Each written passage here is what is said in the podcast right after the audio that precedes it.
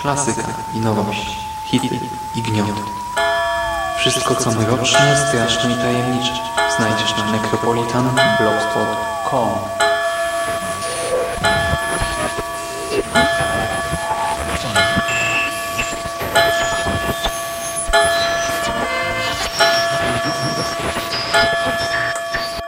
Witam w nawiedzonym podcaście.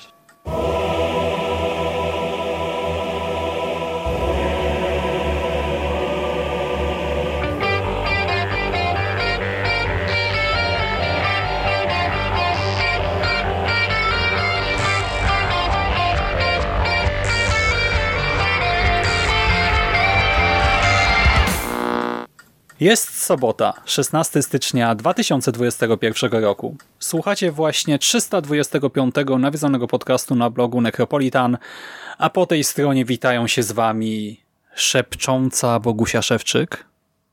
Witam was moi drodzy bardzo serdecznie, witam słuchaczy, cześć. Mroczny Paweł Mateja. Cześć, a u mnie jest dzisiaj wtorek. oraz diabelski i ciut odrealniony, może stąd ten wtorek, Szymon Cieśliński, witam również. Spotykamy się dzisiaj e, w tym gronie, by zgodnie z moją obietnicą sprzed dwóch tygodni porozmawiać o filmie wyświetlanym w ramach ubiegłorocznej, bo już mamy 2021, w ramach ubiegłorocznej edycji Splat Film Fest, czyli największego polskiego festiwalu kina gatunkowego, jednego z większych w Europie e, i w sumie też na świecie. E, spotykamy się w trzy osoby. Jerry do nas dzisiaj nie dołączy, ale dołączy przy kolejnej audycji na temat innego filmu z tego festiwalu, a dzisiaj wybraliśmy produkcję, która wszystkich nas wystraszyła. To był taki element decydujący o tym, że chcemy o niej też troszkę e, więcej powiedzieć. E, I był to film Szept i Mrok, czyli w oryginale The Dark and the Wicked z 2020 roku. Film w reżyserii i ze scenariuszem Briana Bertino. To jest twórca, który w sumie dla fanów horroru powinien być rozpoznawalnym, chociaż ja też już przyznam, że E, większość jego filmów mam na liście do nadrobienia, tak zdaję sobie sprawę z ich istnienia, e, ale nawet jakoś e, wcześniej nie sprawdzałem przed seansem, kto odpowiada za Szept i Mrok. My o tym wspominaliśmy już trochę przy naszym tym ogólnym podcaście o Splacie, E, Bertino zaczynał od remake'u francuskiego Dem, e, czy też właściwie Ils, e, bo w oryginale to było Ils, czyli od Nieznajomych z 2008 roku. Potem dał nam jeszcze Mockingbird, The Monster, napisał też sequel Nieznajomych z podtytułem Ofiarowanie, a w 2020 dał nam właśnie Szept i Mrok. I może przypomnijmy tylko krótko, czy wy kojarzycie te wcześniejsze dzieła? Tak, ja zapomniałam zupełnie o tym, że widziałam nieznajomych i dopiero ostatnio mhm. jak y, rozmawialiśmy w tym, w, w, naszych prywatnych y, tutaj y, rozmowach na Facebooku i mi napisaliście, że to jest ten reżyser, to, to, to się rzeczywiście zdziwiłam, że to jest ten sam facet od, od nieznajomych. Ja ten film uwielbiam. Bardzo miło wspominam ten seans. Znaczy miło. To jest rzeczywiście taki, taki obraz, który bardzo mocno mnie wystraszy. To od od razu można podkreślić, że to jest takie home invasion kompletne. E, świetny jest ten film. E, ja sobie go nawet dzisiaj przed e, naszą rozmową obejrzałam jeszcze raz, bo tak zastanawiałam się trochę nad tym, czy patrząc na twórczość Bertino w takim zakresie globalnym, można mówić o jakimś tutaj właśnie autorskim e, rysie. E, nie zdążyłam obejrzeć filmu Monster, więc tutaj nie będę e, żadnych teorii wysnuwać, poza tym, że są to zawsze takie filmy no, strasznie smutne, depresyjne, i swego rodzaju surowe. To są takie jakby znaki rozpoznawalne. Surowe, powolne reżysera. też trochę. Tak, tak. A to w ogóle Bogusia będziesz musiała jeszcze raz później obejrzeć ten film, bo już mamy go też nagrywać, nie? No właśnie. Tak, tak. A to ja już trochę właśnie pod kątem kolejnego nagrania go sobie A. tak e, znalazłam moją płytę i stwierdziłam, że a dziwnie się ogląda ten film w ciągu dnia w ogóle. Ale i tak straszy, więc no, Hmm. spoko. No i właśnie przy okazji e, ofiarowania, czyli tego sequelu, e, miałem ochotę nagrać podcast, tylko że wtedy też pomyślałem, że trzeba by nagrać o Ils, nie? I nagle oczywiście w mojej głowie to urosło do jakiegoś wielkiego projektu e, i tam na jakichś wstępnych rozmowach się skończyło, no ale może teraz właśnie za jakiś czas, tylko na spokojnie, tak? Nie dzisiaj, nie Ale jutro. ten, był, były jeszcze jakieś wcześniej francuskie horrory przed Ils, nie? To też by trzeba było chyba obejrzeć i nagrać, żeby o Ils rozmawiać. Nie prowokuj Szymasa, Paweł, powolutku. A w ogóle to A jeszcze... tak w ogóle to dzisiaj jest poniedziałek, a nie wtorek, ja się pomyliłem. Że nada. Mroczny Paweł jest bardzo mroczny. Dobra. E, No to teraz e, już przejdźmy do tej produkcji. E, Nikt z nas o niej też jakoś dużo nie słyszał, nie? Przed nagraniem, tak, przed nagraniem, przed seansem. Wszyscy tak trochę na świeżo podeszliśmy, nie? Tak. Ja chyba o niczym z, z plata nie słyszałem wcześniej, o żadnym filmie. Okej. E, No więc e, Szeptim Rock opowiada nam e, w dużej mierze o historii pewnej rodziny, a przede wszystkim dwójki rodzeństwa. Rodzeństwa już dorosłego. Chodzi o Louise i, i Michaela. E, To są e, już no, dorośli, tam 30-paroletni e, ludzie, którzy po latach przyjeżdżają do rodzinnej miejscowości, na rodzinną farmę w związku ze złym stanem ojca. Ojciec jest no, umierający, jest w śpiączce, nie ma z nim kontaktu, po prostu leży na łóżku i niejako oczekuje tego no, odejścia z tego świata. E, W domu, w gospodarstwie domowym jest jeszcze mama, no i też tam mi pomaga e, taka pani pielęgniarka. E, I mama jest niezadowolona z tego, że dzieci przyjechały. Poinformowała je, że no, ojciec jest już u kresu e, swojego życia, ale powiedziała im stanowczo, że mają nie przyjeżdżać. Dzieciaki no jednak, jakby nie patrzeć, chodzi o ich rodziców, tak przyjechały. No i e, na miejscu zaczynają dziać się różne niepokojące e, rzeczy, w wyniku których mama popełnia samobójstwo. I to samobójstwo dosyć e, nieprzyjemne, bo najpierw odcina sobie palce u jednej dłoni, a następnie wiesza się w takiej ala oborze na kozy, w takim miejscu, gdzie właśnie przebywa e, ich tutaj rodzinna hodowla kóz i e, to, to jej samobójstwo też jest ciutkę nienaturalne, tak, jeżeli tak się przyjrzeć wszystkim e, towarzyszącym mu okolicznościom. Nasi bohaterowie no, znajdują się w dość nieprzyjemnej sytuacji. Mama odeszła, tata umiera, No i nie wiedzą do końca, co zrobić. Tak, decydują się na jakiś czas zostać na tej farmie. E, Dla Louise to nie jest żaden problem, bo Louise jest samotniczką, jest e, no, e, singielką, nic jej jakoś nigdzie nie trzyma mocno. Z Michaelem jest trochę większy problem, bo on zostawił żonę i dwójkę dzieci i przyjechał właśnie tutaj w te rodzinne strony, no i tak trochę chciałby wrócić, ale jednak zdecyduje się zostać z siostrą i niejako doczekać e, tak śmierci taty, być w nim być z nim w tych ostatnich chwilach. No i jak się możemy domyślać, e, no ten czas oczekiwania e, no, nie będzie zbyt przyjemny dla naszej dwójki, e, bo w tym miejscu czai się zło.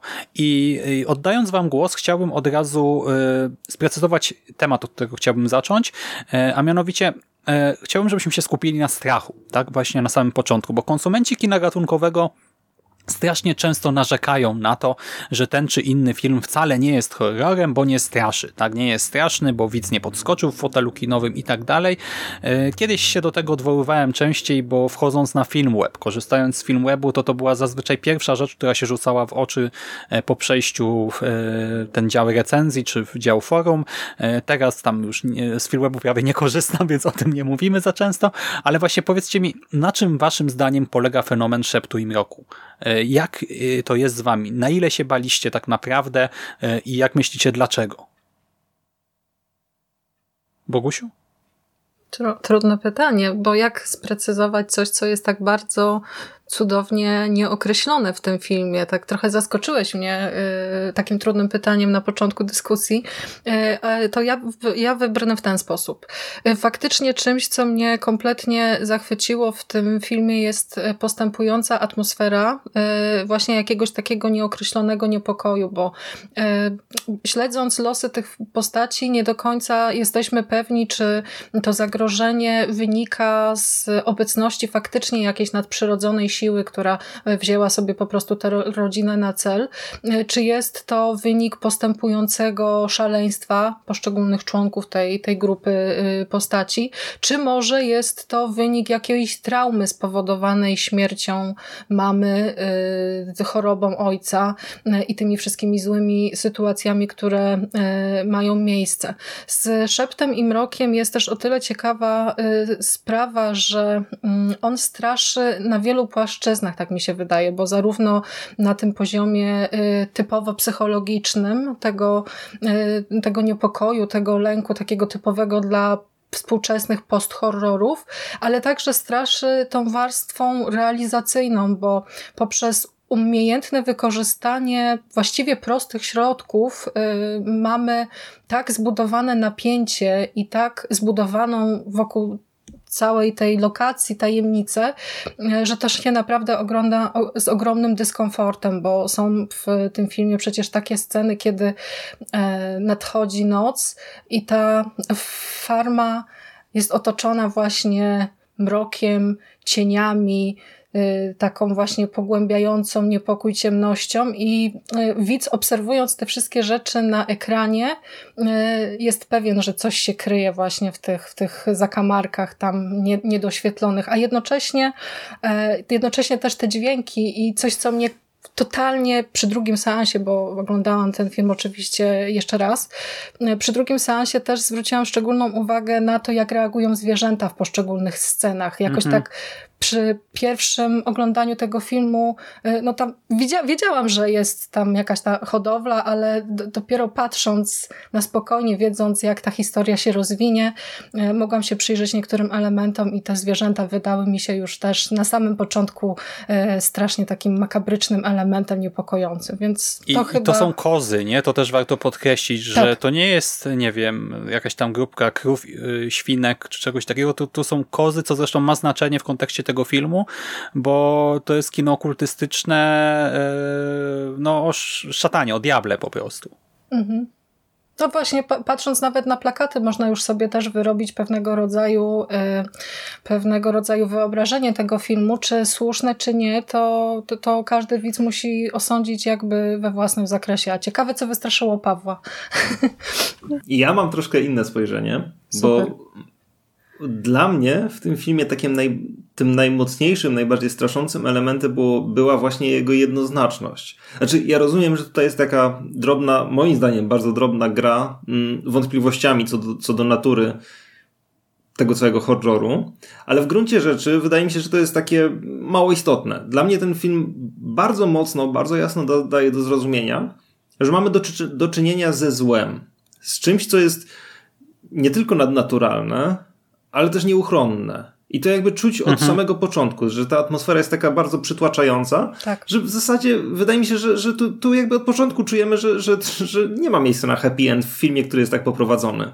I ja totalnie jakby nie łapię tutaj za bardzo tego, że tutaj można mieć wątpliwości co do tego, czy tu ktoś popada. Znaczy, ludzie tu popadają w szaleństwo, ale to jest efektem działania jakiejś siły nadnaturalnej. I właśnie mnie się bardzo podoba to, e, że to jest takie proste nie, że nie mamy tutaj, wiecie, dołożonej tej warstwy takich wątpliwości, czy może jednak właśnie oni z jakichś, nie wiem, emocjonalnych powodów yy, zaczę zaczęli się zabijać. Nie, tutaj przyszło zło i zło ich zabiło. I dla mnie to jest świetne, bo to, bo, bo to, to, to wiecie, yy, nie, nie pozostawia też widzowi yy, żadnych wątpliwości, nie? Yy, a z drugiej strony, yy, właśnie tym, co dopełnia jakby te, te, tej formuły, tę formułę, e, są właśnie te niedopowiedzenia, bo tak naprawdę my nie wiemy, czym to zło jest.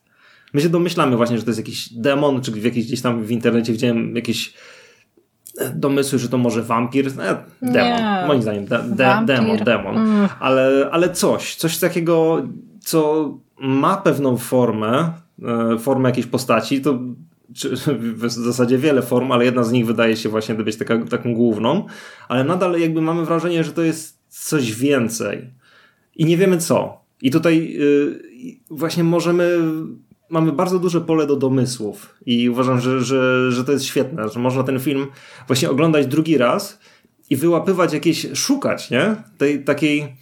Yy, tego powodu. Bo tak naprawdę od samego początku do samego końca nie wiemy, jaki jest powód tego, że spadło tutaj na rodzinę nieszczęście. Paweł, ale właśnie to jest najfajniejsze w, tym, w tej mhm. opowieści, bo ja tak trochę odwołam się do, y, do tych nieznajomych. Nie będę tego robiła za często, ale w tym przypadku akurat chciałabym to podkreślić, bo y, w tym debiutanckim filmie reżyser też y, zastosował podobny myk. Tutaj mieliśmy historię ludzi zamkniętych w domu, którzy zostają zaatakowani przez troje zamaskowanych zbrodniarzy, którzy ich po prostu tam terroryzują. I puenta wychodząca z tego filmu jest po prostu przerażająca, dlaczego to, dlaczego to miało miejsce. I e, coś, co mi się szalenie właśnie podoba i wydaje mi się, że pojawia, pojawia się w obu tych obrazach, to jest to, e, że. Mm, to, że nic nie wiemy na temat przesz przeszłości bohaterów, nadaje im taki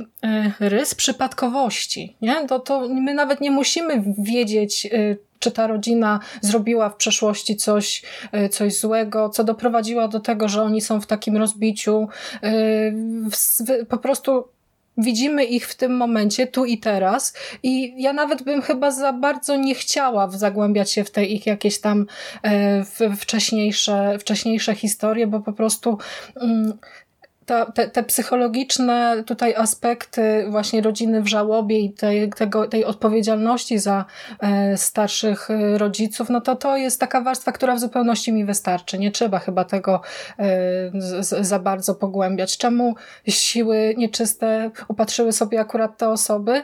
No nieistotne. Ważne jest to, jak oni reagują na sytuację, e, jak e, stopniowo ich sceptycyzm gdzieś tam zanika i, i jak e, eliminują się po kolei. Nie? To, to, tak, to my tu to. w zasadzie ten film pokazuje nam tylko taki proces rozszerzonej egzekucji. Prawda. A nie wiemy, nie wiemy dlaczego, nie? Ale właśnie, nie bo musimy. to nie jest e, tylko egzekucja, to jest coś... E właśnie nie, y, konsekwentnego na zasadzie, że no, kończy się śmiercią, tak? Ale jednocześnie e, pozbawionego jakichś związków przyczynowo-skutkowych, pozbawionego e, wewnętrznej logiki. E, I tutaj ja się bardziej przychylam, wracając do tych waszych wcześniejszych wypowiedzi, do tego, co mówi Paweł, bo sam początek, rzeczywiście, sam początek filmu troszkę z nami pogrywa, ale tylko troszkę, bo tam na sekundę już pojawia się ten diabeł, powiedzmy. Tak, to jest mignięcie, ale jak ktoś zrobi stop klatkę w tym momencie, e, no to zobaczy, tak, że tam ta postać się pojawia i można ją wyłapać. Wiadomo, że ktoś może mruknąć w tym czasie, odwrócić się e, w bok i już tego nie zauważy, ale jednak ten paradoks Poego, czyli e, ta interpretacja na zasadzie może narrator jest niewiarygodny, narrator oszalał, narrator jest na prochach, na lekach, coś tam, e, ja ją też bardzo szybko odrzuciłem. I zobaczyłem, że jest tam to zło, zło właśnie czyste, zło takie, jak mi się wydaje, że powinno być, czyli to, o czym mówi Paweł, że ono jest niepojęte. Tak? Ono, i tak jak ja teraz powiedziałem, tutaj nie ma wewnętrznej logiki. Ono dąży do czegoś, ale to w jaki sposób to robi nie ma sensu z punktu widzenia e, no, odbiorcy, nas. Bo skoro my wiemy, że to zło jest e, omnipotentne w tym filmie, nie? Ono potrafi e, wpływać na otoczenie, ono potrafi wpływać na zwierzęta, ono potrafi zabijać dosłownie, tak? W sensie może przyjść i nie wiem, może rozerwać gardło człowiekowi, zwierzęciu, czemuś tam. Może zmusić człowieka, żeby sam sobie to gardło podciął. Może sprowadzić jakąś wizję, może przyjąć e, formę zwierzęcia, potwora, e, człowieka, jednego, drugiego, dziesiątego. Ono jest wszechpotężne i w gruncie rzeczy, gdyby chodziło tylko o egzekucję, no to ten film mógłby trwać 30 sekund. Tak? To mogłoby być rodzina, która po prostu nagle ginie, nagle wszyscy sobie podrzenają gardła, czy coś takiego. Ale nie, my widzimy takie działanie właśnie E, to mnie zawsze fascynuje e, w horrorze, jeżeli coś takiego się pojawia. E, próba przedstawienia zła, które jest właśnie czymś niepojętym dla człowieka, czymś, co wychodzi poza jakieś na, takie nasze rozumowanie.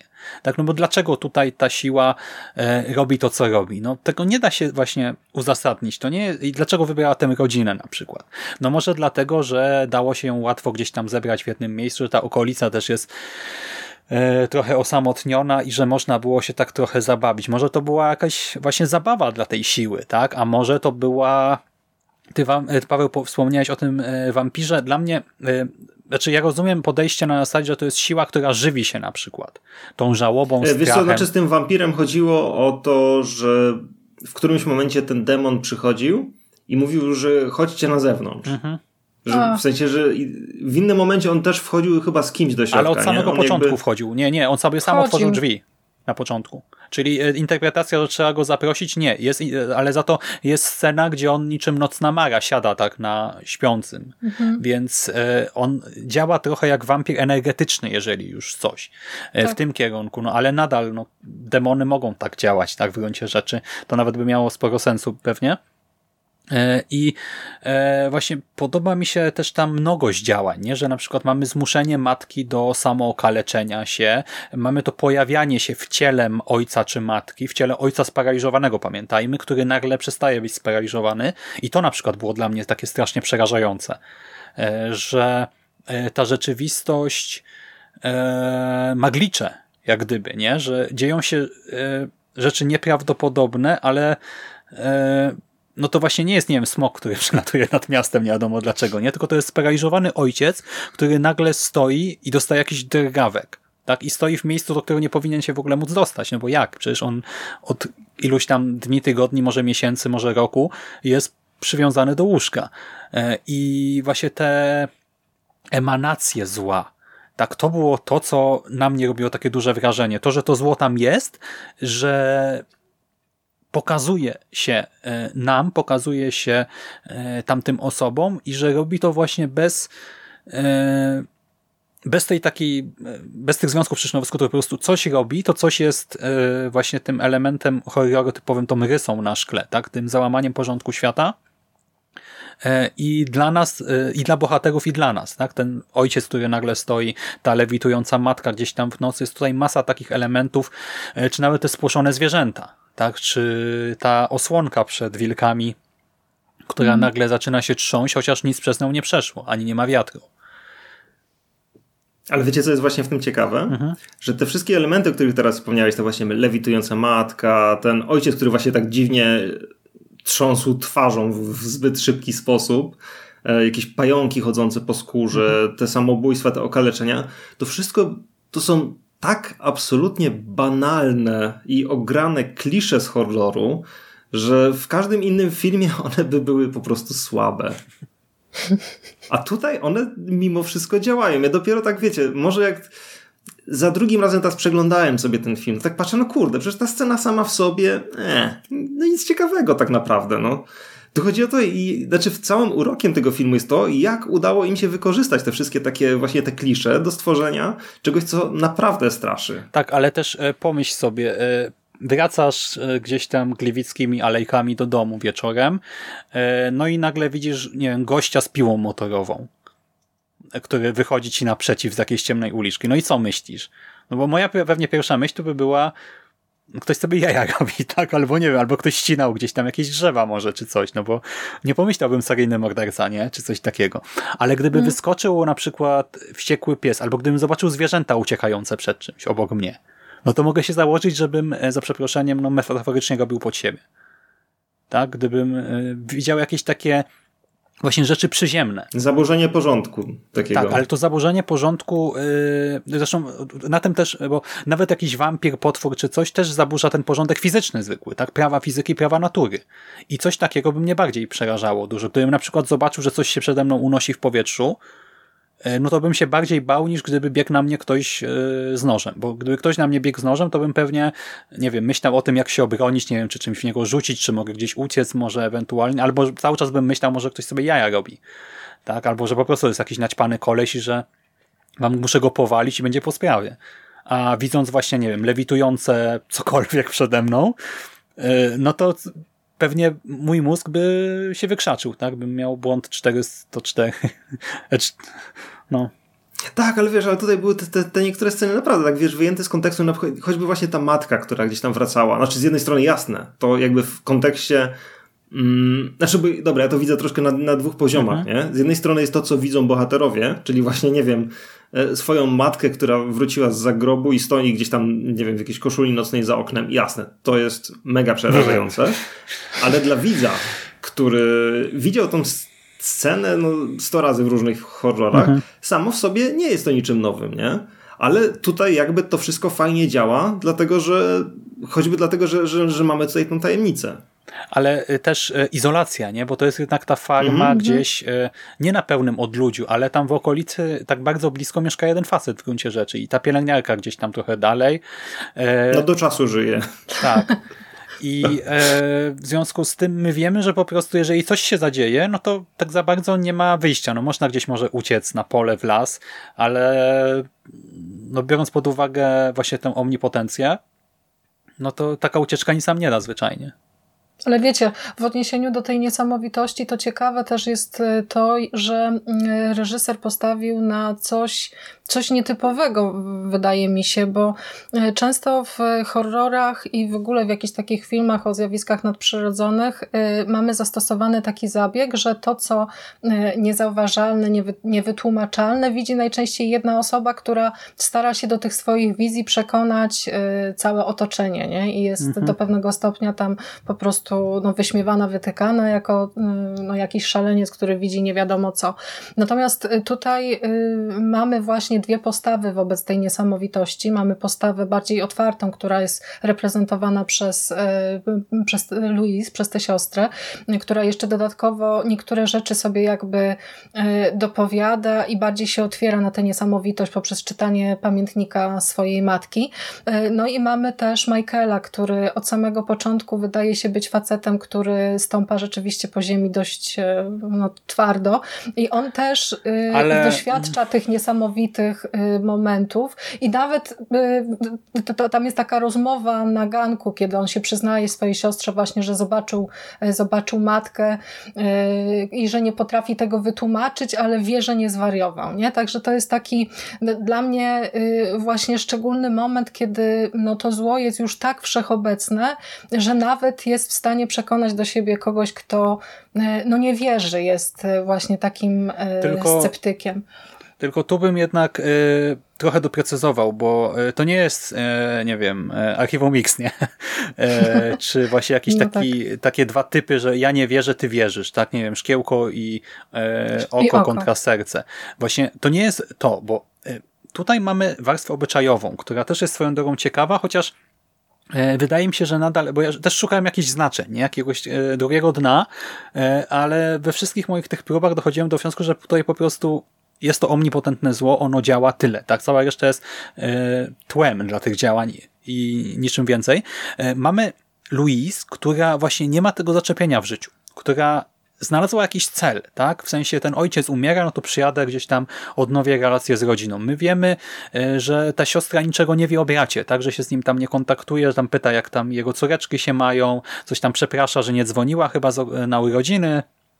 E, okazuje się, że e, ona właśnie trochę wegetuje życiowo po prostu i nagle uświadamia sobie, że jest sama w tej, tej swojej egzystencji i szuka jakiegoś nowego celu. I tym celem e, staje się dla niej próba odnowienia tych więzi rodzinnych, a z drugiej strony mamy Michaela, który po prostu ma swoje życie, który właśnie okej, okay, gdzieś tam dorastał z Louise e, i z rodzicami, ale teraz założył własną rodzicę, ma swoją żonę, ma swoje dzieci, ma swoją pracę i e, no nie potrzebuje teraz właśnie tego jakiegoś ratunku może psychicznego też w postaci odnawiania tych kontaktów, tylko raczej wypełnia jakiś tam swój taki naturalny obowiązek e, tego dziecka, tak, żeby się gdzieś tam pojawić, pomóc, e, towarzyszyć w tych ostatnich chwilach, e, ale to, to, wszystko, nie? I e, to nie jest tak, że Louise jest otwarta. Louise, także ona po prostu wierzy we wszystko, tylko Louise szuka właśnie jakiegoś nowego celu, sensu w tym wszystkim, tak? A Michael chce wrócić do tej swojej egzystencji.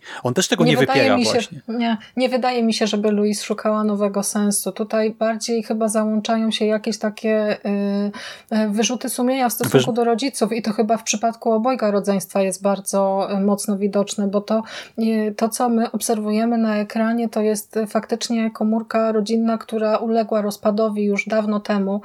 Ludzie, którzy praktycznie nic o sobie nie wiedzą, jakoś tam ten kontakt właśnie się rozluźnił i w, wobec tej rodzinnej tragedii, którą jest zarówno choroba ojca, jak i samobójstwo matki, to im się wydaje, że właściwie nie zareagowali w odpowiednim momencie. Nie? I to w, nie, w niektórych tam właśnie scenach z y, no tak, ale, rodzeństwem to jest ale bardzo Michael odczuwalne. chce wrócić do swojego życia, a Louis nie ma do czego wrócić. I Louis się chwyta tego pamiętnika na przykład. I Louis y, mówi Michaelowi, przecież tak naprawdę oddanie ojca w tej, w tej sytuacji, tak? E, do szpitala jest całkiem logicznym rozwiązaniem, tak? Zwłaszcza, że ich stać, mają w ogóle tę ogromną ziemię, którą też można pewnie sprzedać, wydzierżawić czy coś, więc tutaj też nie ma żadnego takiego problemu e, przyziemnego. Po prostu oddajemy ojca do szpitala, do jakiejś placówki, do jakiegoś hospicjum, i tam może godnie właśnie też z dobrą opieką e, no dożyć tych swoich e, ostatnich dni, e, a trzymanie go w tym domu, tak, gdzie właśnie przed chwilą jego żona popełniła samobójstwo na tym pustkowiu e, i tak dalej, no w gruncie rzeczy nie jest logiczne. Tak? Mm. I Michael tutaj, on, to nie jest tak, że on to wypiera, tylko on po prostu, mi się wydaje, postępuje tak, myśląc o sobie, o tej swojej rodzinie, a Louise tak się chwyciła tego, że jest tutaj. Tak? I że to nie są tylko wyrzuty sumienia, no bo na przykład ten pamiętnik, jak ona go czyta, jak ona w ogóle chodzi z nim cały czas, czyta go na głos i tak dalej, ona trochę dostaje, e, no to jest trochę takie szalone, w sensie, że e, trochę ma paranoję na tym punkcie, o mnie paranoję, obsesję, przepraszam. Ale też e, co do tego, jakby wracając do tego, co Bogusia mówiła, mhm. o tym jednym bohaterze, który dostrzega jakąś niesamowitość, podczas gdy reszta jej nie widzi. Tutaj poniekąd mamy podobną sytuację, dlatego że ci bohaterowie się ze sobą prawie nie komunikują. Każdy z nich dostrzega jakieś rzeczy, które się dzieją dookoła, ale, ale oni bardzo mało, przynajmniej do pewnego momentu, o tym między sobą rozmawiają. Nie? To matka nie chce mówić o tym, że, że, że coś tam, nie wiem, ich nawiedza. Ba, my w zasadzie nie wiemy, dlaczego to ich nawiedza i na przykład ona tego nie wie. Bo to jest w ogóle też taka, taka rozkmina, której nie wiem, szczerze mówiąc, czy jest sens rozmawiać, bo to możemy tylko sobie gdybać. Mhm. Ale cały czas nurtuje mnie jakby temat tego, czy oni do domu to zło z jakiegoś powodu zaprosili, czy ono przyszło samo. Bo wiecie, no jest tutaj ten chory ojciec, tak naprawdę nie wiemy na co on jest chory i czy tak naprawdę, czy on w ogóle jest chory, czy coś po prostu, nie wiem, wiecie, go opętało na przykład. Albo czy, czy właśnie, czy to zło z jakiegoś powodu zostało do nich y, znaczy, czy oni, czy oni nie wiem. Mm, no, znaczy, właśnie, bo tutaj dzieci nie, wie, nie wiedzą zupełnie, co działo się u rodziców przez ostatnie lata. Jest tutaj taki fajny dialog, który sobie wcześniej wynotowałem, znaczy w zasadzie wypowiedź księdza, który e, tak naprawdę nie jest księdzem, który odwiedza tam właśnie te dzieci. Mhm. I, no i właśnie, to jest ten demon. Nie? E, I on do nich mówi: Przychodziłem ją zobaczyć. Ona była przerażona i samotna. Byłem tam dla niej. Chciałem się z wami spotkać, ona kochała was tak bardzo. Pomyślałem, że jeśli będziecie chcieć, mogę pomóc. Nie wiem do końca o co chodzi z tym, że jeśli może będziecie chcieć, ale jakby z tego wynika, że. że by, znaczy no, ale to nie jest może kłamać, troll face po prostu yy, diabła, bo yy, właśnie druga rzecz, do której też chciałbym przejść, to jest religia. Bo teoretycznie ten film e, traktuje, no jest horrorem też religijnym, traktuje gdzieś tam o diable w kontekście wiary, ale zarazem e, w taki też fajny sposób, bo na przykład e, w tej scenie, do której teraz nawiązujesz, pojawia się, ja tego nie wynotowałem, ja to teraz parafrazuję, może trochę zmieniam, ale tam pojawia się taka sugestia, taka metafora, że wyobraźmy sobie, że jesteśmy w lesie i w tym lesie jest wilk. Czy jeżeli mhm. nie wierzymy, że tam jest ten wilk, to czy go nie spotkamy i nas nie zaatakuje? No nie, tak? Ale to jest przecież taka tania demagogia, no bo to tak samo jakby powiedzieć, e, nie wiem, czy skoro nie wierzysz w mikrochipy w nanocząsteczkach w szczepionce, to czy ich nie ma i nie zabije cię 5G? No bez sensu, tak? E, to jest argumentacja, która nie ma żadnego sensu, ale jednocześnie e, to jest takie pogrywanie sobie z naszymi bohaterami, nie? Taka sugestia, że właśnie skoro oni nie wierzą w Boga, nie są religijni, to, czy, to znaczy, że nie ma Boga albo czy nie ma diabła. I tak samo być może on sobie pogrywał z matką, dlatego ona e, tam zaczęła gdzieś jakieś przedmioty kultu, akurat tutaj te krzyżyki zbierać. E, w ogóle to jest super, że diabeł tutaj pojawia się e, pod postacią moc, księdza. Pod postacią księdza, ale w ogóle, że mm, jak gdyby z jednej strony chce wywołać nie wiem, nawrócenie, tak? Chce, żeby y, ktoś był wierzący, ale z drugiej strony też ma to gdzieś, nie? Że tak jakby po prostu pogrywa sobie z y, ludźmi, którzy mają tę swoją religię i na niej mogą się opierać. Że y, Ostatecznie, jak gdyby z tego filmu, mam wrażenie, wynika, że to nie ma znaczenia, czy ty wierzysz w Boga, czy nie wierzysz w Boga, czy w ogóle Bóg istnieje, czy nie. Jest zło i to zło może zrobić z tobą wszystko. I to jest też takie fascynujące. Tak. Znowu ta, to takie niesamowite, e, te nieskończone możliwości zła e, i jednocześnie ta kruchość człowieka, nie? To jest takie znowu jak normalnie horror kosmiczny Lovecraftowski. Znaczy wiesz, w przypadku religii y, w tym filmie to też y, warto podkreślić, że to nie jest taki nachalny wątek, nie? bo oni mogli faktycznie niektóre rzeczy powskazywać wprost i wysnuć no, taki wniosek, że y, ta rodzina została zaatakowana właśnie z powodu tego, że jest niewierząca. Tutaj jest też bardzo ciekawa postać pielęgniarki, która sama mhm. przyznaje, że jest, że jest osobą religijną, wierzącą i ona stanowi właśnie takiego rodzaju E, pewnego rodzaju anioła, stróża, opiekuna właśnie tej rodziny, bo ja e, powiem wam szczerze, że w momencie, kiedy e, pielęgniarkę spotyka no, zły koniec, to ja już wtedy totalnie straciłam nadzieję. Dopóki ona była w tej rodzinie jakby i, yy, i się nią no, do pewnego stopnia tam opiekowała, to, yy, to, to jeszcze ta nadzieja gdzieś tam, gdzieś tam była i się delikatnie, delikatnie tliła. Yy, ta religia jest też faktycznie przedstawiona w taki sposób właśnie bardzo ciekawy. Ja zgodzę się z tym, co też Szymon powiedziałeś, że faktycznie jest tak, że to nie jest istotne, czy jesteśmy osobą wierzącą, czy niewierzącą. To zło może nas dopaść w sumie pod, pod, pod każdą postacią, e, a jednocześnie te elementy Ono się z tego kultu... nabija, ale właśnie, zobacz, bo ta pielęgniarka... Ale nabija Szymas? Nie, to ja, ja tego nie odebrałam chyba, chyba w taki sposób. To ale są zobacz, takie pielęgniarka jest chochołem. Pielęgniarka, nie, nie, pielęgniarka, która mówi, że dobro zwycięży, wiara zwycięży, miłość zwycięży, e, staje się postacią wręcz komiczną nagle w rękach zła. Tak, Jezus no. nas wybawi i wydłubuje sobie oczy. No właśnie. No to okej. Okay. O to mi chodzi. To jest to moim zdaniem nabijanie się zła. To jest takie pokazanie... Komizm według Szymasa.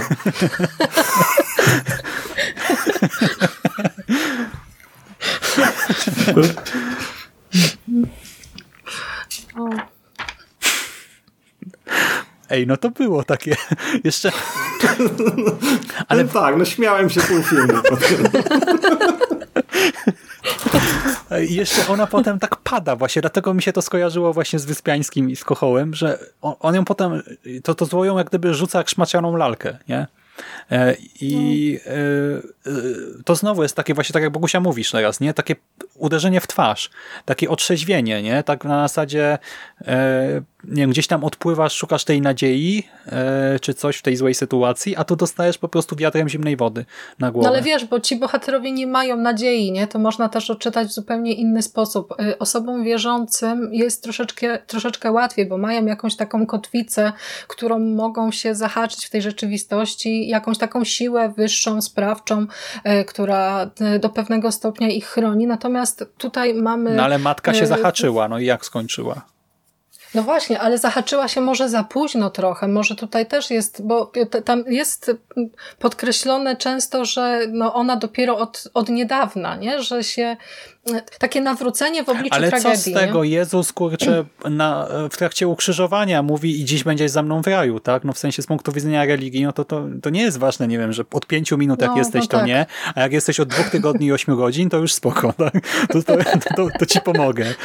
E, właśnie o to mi chodzi, że e, tutaj ta miłość, wiara, dobro, Bóg, to wszystko jest przekreślone. Mamy tylko to zło, które robi co chce e, i swoją drogą właśnie po pierwsze e, to, jak e, zostaliśmy strollowani jako widzowie, tak samo jak Michael, nie? Bo Michael w którymś momencie jak gdyby stara się od tego wszystkiego odciąć i zło po prostu sobie z niego żartuje, czym doprowadza do tragedii. A Louise z drugiej strony postanawia właśnie dać z siebie wszystko, żeby właśnie jakoś tym swoim własnym dobrem, zaangażowaniem się przeciwstawić i też po prostu zostaje wyśmiana, tak? Właśnie zostaje no to ostatnia scena z nią i ojcem e, pokazuje, że niczego nie osiągnęła. Nie? I właśnie że każda z tych postaw, chociaż tak różnych e, i z różnymi motywacjami i tak dalej, e, zostaje po prostu zmieciona z powierzchni ziemi. Tak po prostu. A wiesz, a wiesz dlaczego? Bo byli samotni. Bo gdyby w pewnym momencie doszli do porozumienia i zaczęli ze sobą rozmawiać i zjednoczyli się, to może by im się udało. Znaczy, Ale, tak sobie a, teraz a Charlie, gdybam, nie? A Charlie, a pielęgniarka? Przecież oni nie byli samotni, nie, nie unikali reszty czy coś. Ale a... nie wiem, czy zwróciłeś uwagę, że w tym filmie bardzo często do ataków dochodzi w momencie, kiedy bohaterowie są pozostawieni sami sobie. Wiesz, no ale pielęgniarka. pielęgniarka wydubuje sobie oczy w momencie, kiedy Louise y, rozmawia z bratem. Brat w momencie, kiedy odłącza się od siostry y, i jedzie do domu, to nagle otrzymuje potworną wizję swojej zamordowanej rodziny. Matka, która y, w momencie, kiedy dzieci śpią, nie wiadomo w jakim celu kroi warzywa, nagle dochodzi do wniosku, że musi, no tak, się, no ale musi to, się powiesić. No ale to różnie, że nie ja mogę teraz wyjść do toalety i co, będę osamotniony i umrę. No to moim zdaniem... No uważaj lepiej. Uważaj. Znaczy, moim nie, nie, nie, tutaj to w odniesieniu do psychologii bohaterów, nie? To, mhm. to, to, to jest gdzieś tam do pewnego stopnia, myślę, że jakaś taka teoria, którą można obronić, chociaż w tym filmie no, ciężko jest mówić o tym, że y, podejmujemy się właściwej interpretacji, nie? To... Ale ja, ja też tylko bym się wetknął z taką jeszcze jedną interpretacją, która mi tak na szybko przyszła do głowy, że tak jak każda z tych osób, chyba, więc mo, mo, może się mylę, może mnie poprawicie, każda z tych, z tych, osób gdzieś tam ginie w samotności, to jednocześnie ona ginie w takim momencie, gdzie jest y, jakiś taki sposób y, swój zatroskana, nie wiem, okazuje miłość, bo wiecie, matka tutaj, znaczy to, to, tak mi się wydaje, że ona tutaj jest taką osobą na przykład, która nie potrafi za bardzo okazać tych uczuć swoim dzieciom, a ale matka chce ten demon im... dzieci, no. Tak, ale ona im w ogóle też, e, ten, ten diabeł im mówi, nie? że ona was bardzo kochała, a ona w żaden sposób, ona, ona w zasadzie dla tych dzieci jest taka strasznie nieczuła, nie? Ale co robi? Robi jedzenie. Mhm. Y facet, znaczy ten, ten jej syn e, zostaje zamordowany, kiedy wraca do domu, a wraca tam z jakiejś takiej troski też o swoją rodzinę. E, nie pamiętam teraz jak z tym sąsiadem, on tam chyba to e, jakoś córka w zasadzie, ten demon córki go zabił, a na końcu córkę zabija w zasadzie ojciec, w momencie, kiedy ona mu mówi, nie zostawia i że, że go kocha. Więc wiecie, to, to z jednej strony jest samotność, a z drugiej strony oni gdzieś w tej samotności właśnie są tacy nie wiem, najbardziej otwarci i, i jakby to, to ich wykańczało. No, dlatego ja czuję tutaj ten e, no, trolling, tak mówiąc językiem mhm. współczesnym. E, na zasadzie e, nic mnie nie obchodzi, tak? Zło nam pokazuje, tak? Że jestem złem i będę czynił zło. Mhm. Ale właśnie ciekawe też jest co do tej sceny śmierci ostatniej. Mm znaczy, zastanawiam się, czy w momencie, w którym. No bo po, po, po, przez cały film w zasadzie każda z tych postaci zabija się sama. Znaczy, mówiłem tutaj, że sąsiada zabija córka. Nie, on sobie strzela w głowę, dlatego że ona jakby psychicznie go do tego zachęca. Tak. E, I tylko w ostatniej scenie ojciec atakuje córkę.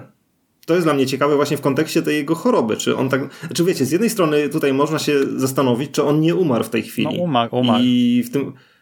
No bo było powiedziane, tak, że czy... przecież już go nie mogą ruszyć ani nic, bo on musi po prostu teraz te kilka dni tam poleżeć i mhm. odejść. No tak, ale czy on już jakby wiesz, czy, to, czy dlatego zaatakował, że w tym momencie był martwy i jakby to już mógł, nie wiem, już, już był, wiecie, przedmiotem, można -hmm. powiedzieć w pewnym sensie. E, czy zaatakował, nie wiem, z jakiegoś innego powodu, bo być może z jakiegoś powodu on to zło sprowadził i nie wiem, i sobie w nim tam pomieszkiwało. No bo jest jedyną osobą, która zrobiła to innej osobie. No. No tak, ale do, mm, niego też logicznie. przychodziło, tak? W sensie, a poza tym e, to równie dobrze nie, mu, nie musiał być on, tak? To mogło być tylko jego forma. No bo też mhm. wcześniej też go widzieliśmy, a to nie był on, tak? A i jeszcze no, a propos tego, mhm. I jeszcze a propos tego trollingu, to też to, co mi się strasznie e, tutaj spodoba, to też myślę brzmi, ale e, to, co jest dla mnie fascynujące, to fakt, że oprócz tych scen strasznych mamy na przykład e, scenę, w której Louise budzi się pomalowana szminką i ta szminka leży obok sparaliżowanego ojca potem, tak, co ma sugerować, że niby ojciec w nocy wstał jak w jakiś właśnie magiczny sposób nadprzyrodzony i ją pomalował. Taka rzecz dziecinna, nie? Wręcz, że to zło właśnie e, nie musi działać w tych kategoriach logiki ludzkiej, e, tylko tutaj nagle zachowało się jak dziecko, tak? Pomazało jej twarz szminką. No przecież absurd. A zarazem mhm. patrzysz znaczy, na to, jesteś przerażony. jest to, że, że w tym upiorne w tej scenie jest to, że ona, wiesz, nie zauważyła tego w ogóle, nie? Że jakby ojciec, który jest sparaliżowany w takim przypadku, musiał przejść z jakiegoś powodu i w czasie, kiedy ona śpi, ona się nawet nie obudziła, mhm. będąc malowana szminką, nie? Mhm. I nie była pijana. To wtedy byłoby uzasadnione. I ojciec też nie był.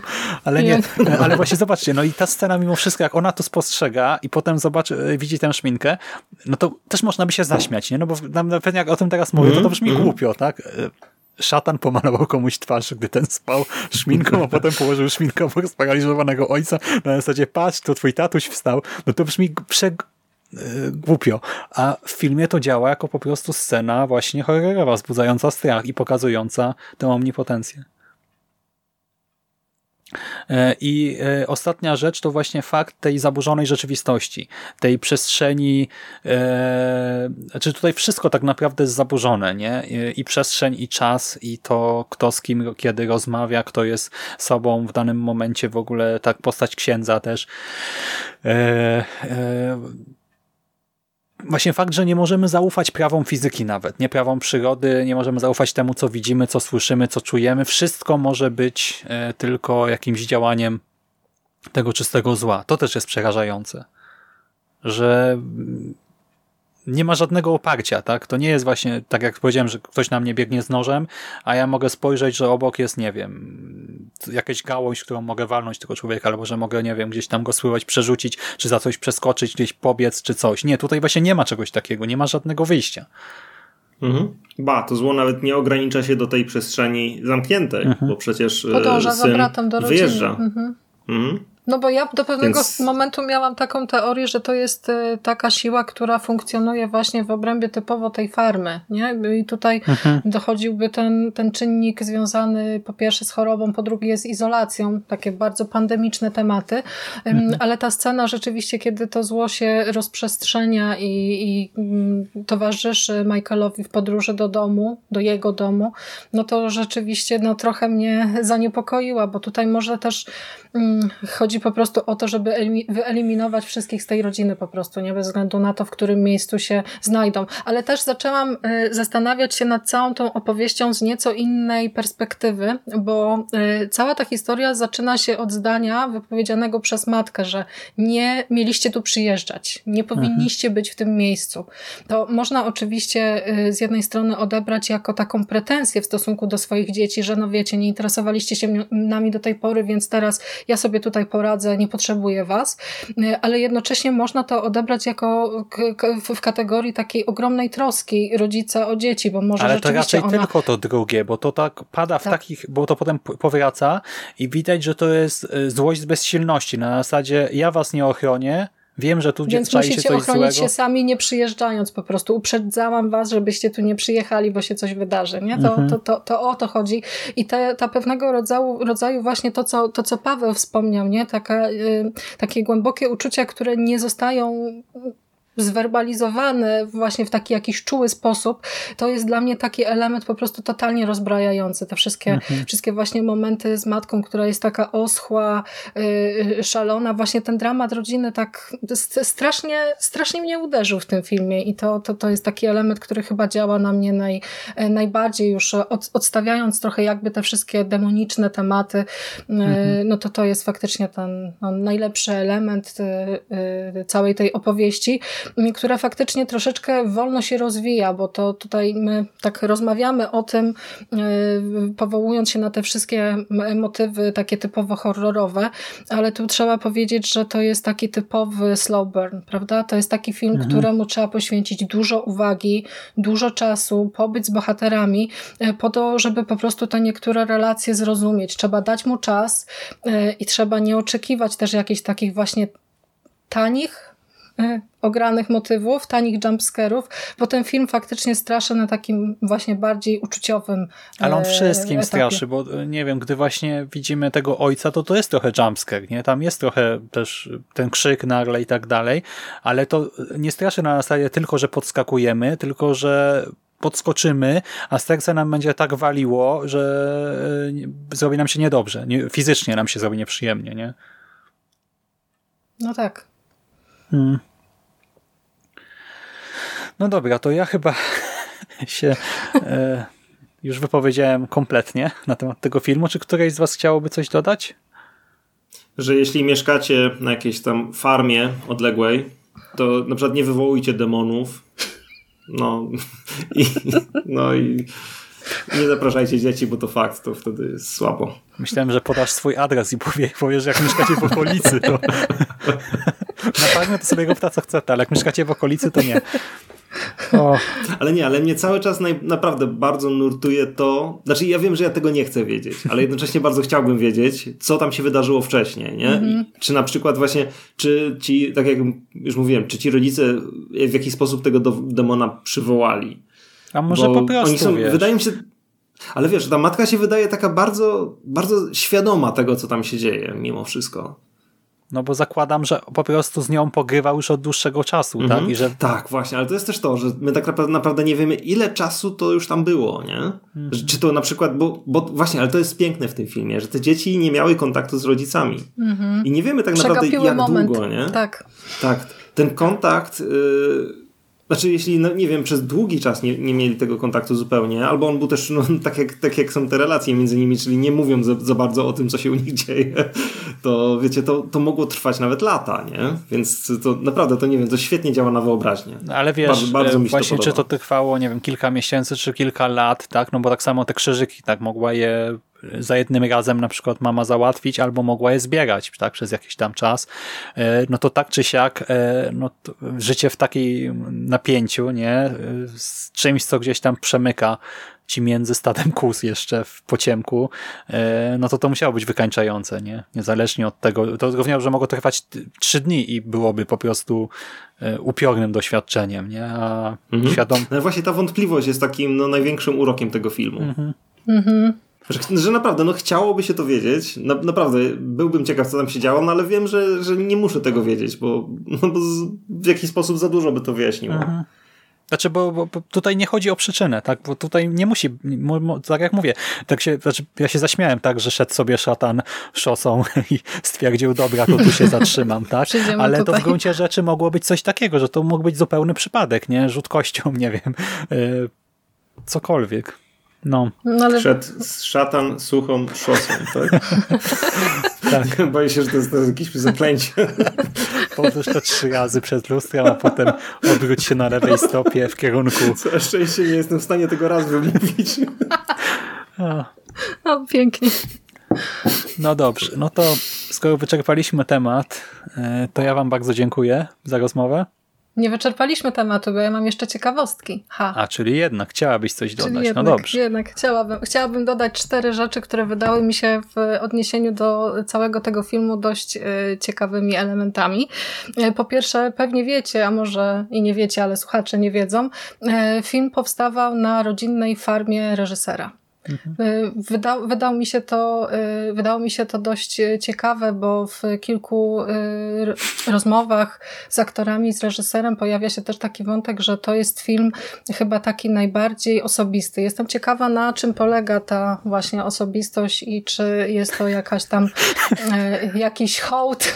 Ja przepraszam, ale jak po prostu o tym rodzinie. mówisz, to ja widzę Co? po prostu całą rodzinę reżysera martwą w tym momencie.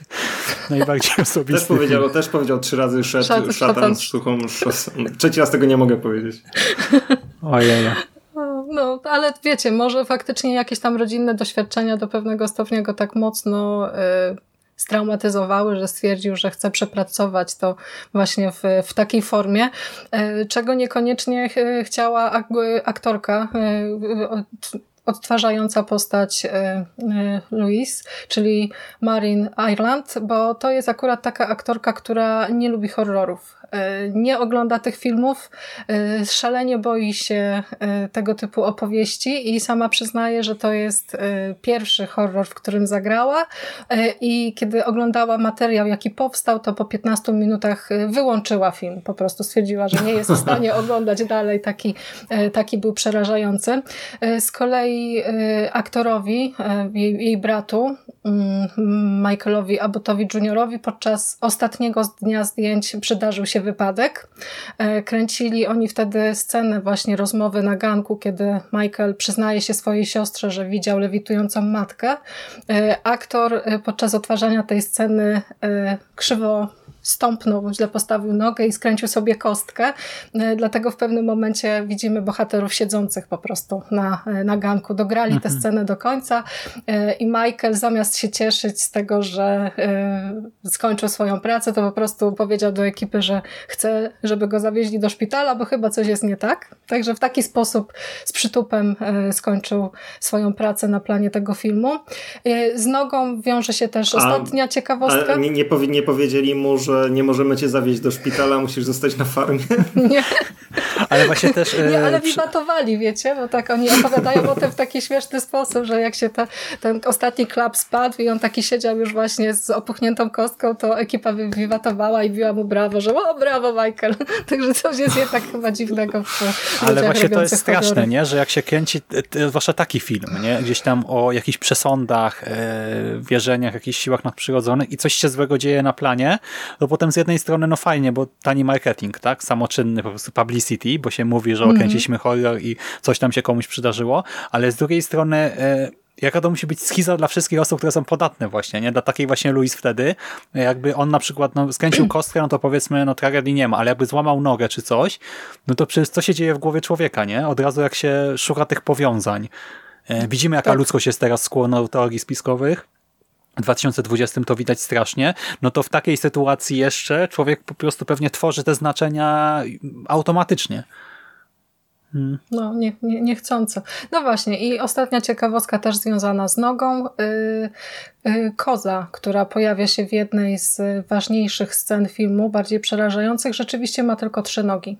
Hmm. Y, miała amputowaną ją na skutek jakiegoś tam wypadku, który się przydarzył i tutaj a propos tego, co mówiliśmy w tym podcaście o Splacie, że oni mieli generalnie y, nieduży budżet i wykorzystali to wszystko do, do maksimum, no to tutaj wystarczyło po prostu kozę oblać troszeczkę farbą, sztuczną krwią i wyszedł z tego naprawdę kapitalny efekt i jedna z najbardziej mhm. przerażających scen filmu to właśnie ta rzeź rzeź na polanie i ta, ta, ta, ta koza zwiadowca.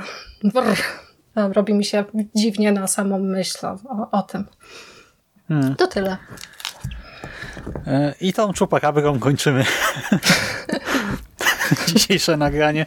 E, kurczę, ale zauważcie, jak my się dużo śmiejemy, nie? To pokazuje, jak bardzo nas stresował ten film, nie? Że musimy odreagowywać gdzieś tam Prawda. na bieżąco. Przecież my się śmiejemy, jakbyśmy dobrą komedię omawiali. O, masakra. No bo to jest bardzo ciężki film i no tutaj jakąś taką naturalną reakcją obronną jest chyba tylko i wyłącznie y, śmiech, chociaż mnie w trakcie seansu naprawdę nie było do śmiechu, wam pewnie też. Hmm. Nie, no to naprawdę był jeden, na, naprawdę jeśli, jeśli ktoś, nie wiem, zastanawia jeszcze po tym podcaście, to naprawdę jest taki horror, taki horror. On to nawet na film weby nie jest krytykowany, że nie straszny. No dobra. Uch, e, no to spuściliśmy trochę powietrza z siebie. Możemy teraz spokojnie iść spać, więc dzięki serdeczne za rozmowę. Dzięki. Kolorowych snów w takim razie. W kolorze Dzięki. kolorów przestworzy. Tak. A wam, kochani, tradycyjnie już życzymy klimatycznego weekendu, udanego tygodnia i do usłyszenia w następnym Szedł, nawiedzonym szatan, podcaście. Suchą, szosą. Nie dokończę. Szedł, szatan, suchą szosą. Szedł, szatan, suchą szosą. Trzeci raz się nie odważę. Jakby teraz komuś mikrofon spadł, czy coś. Hmm.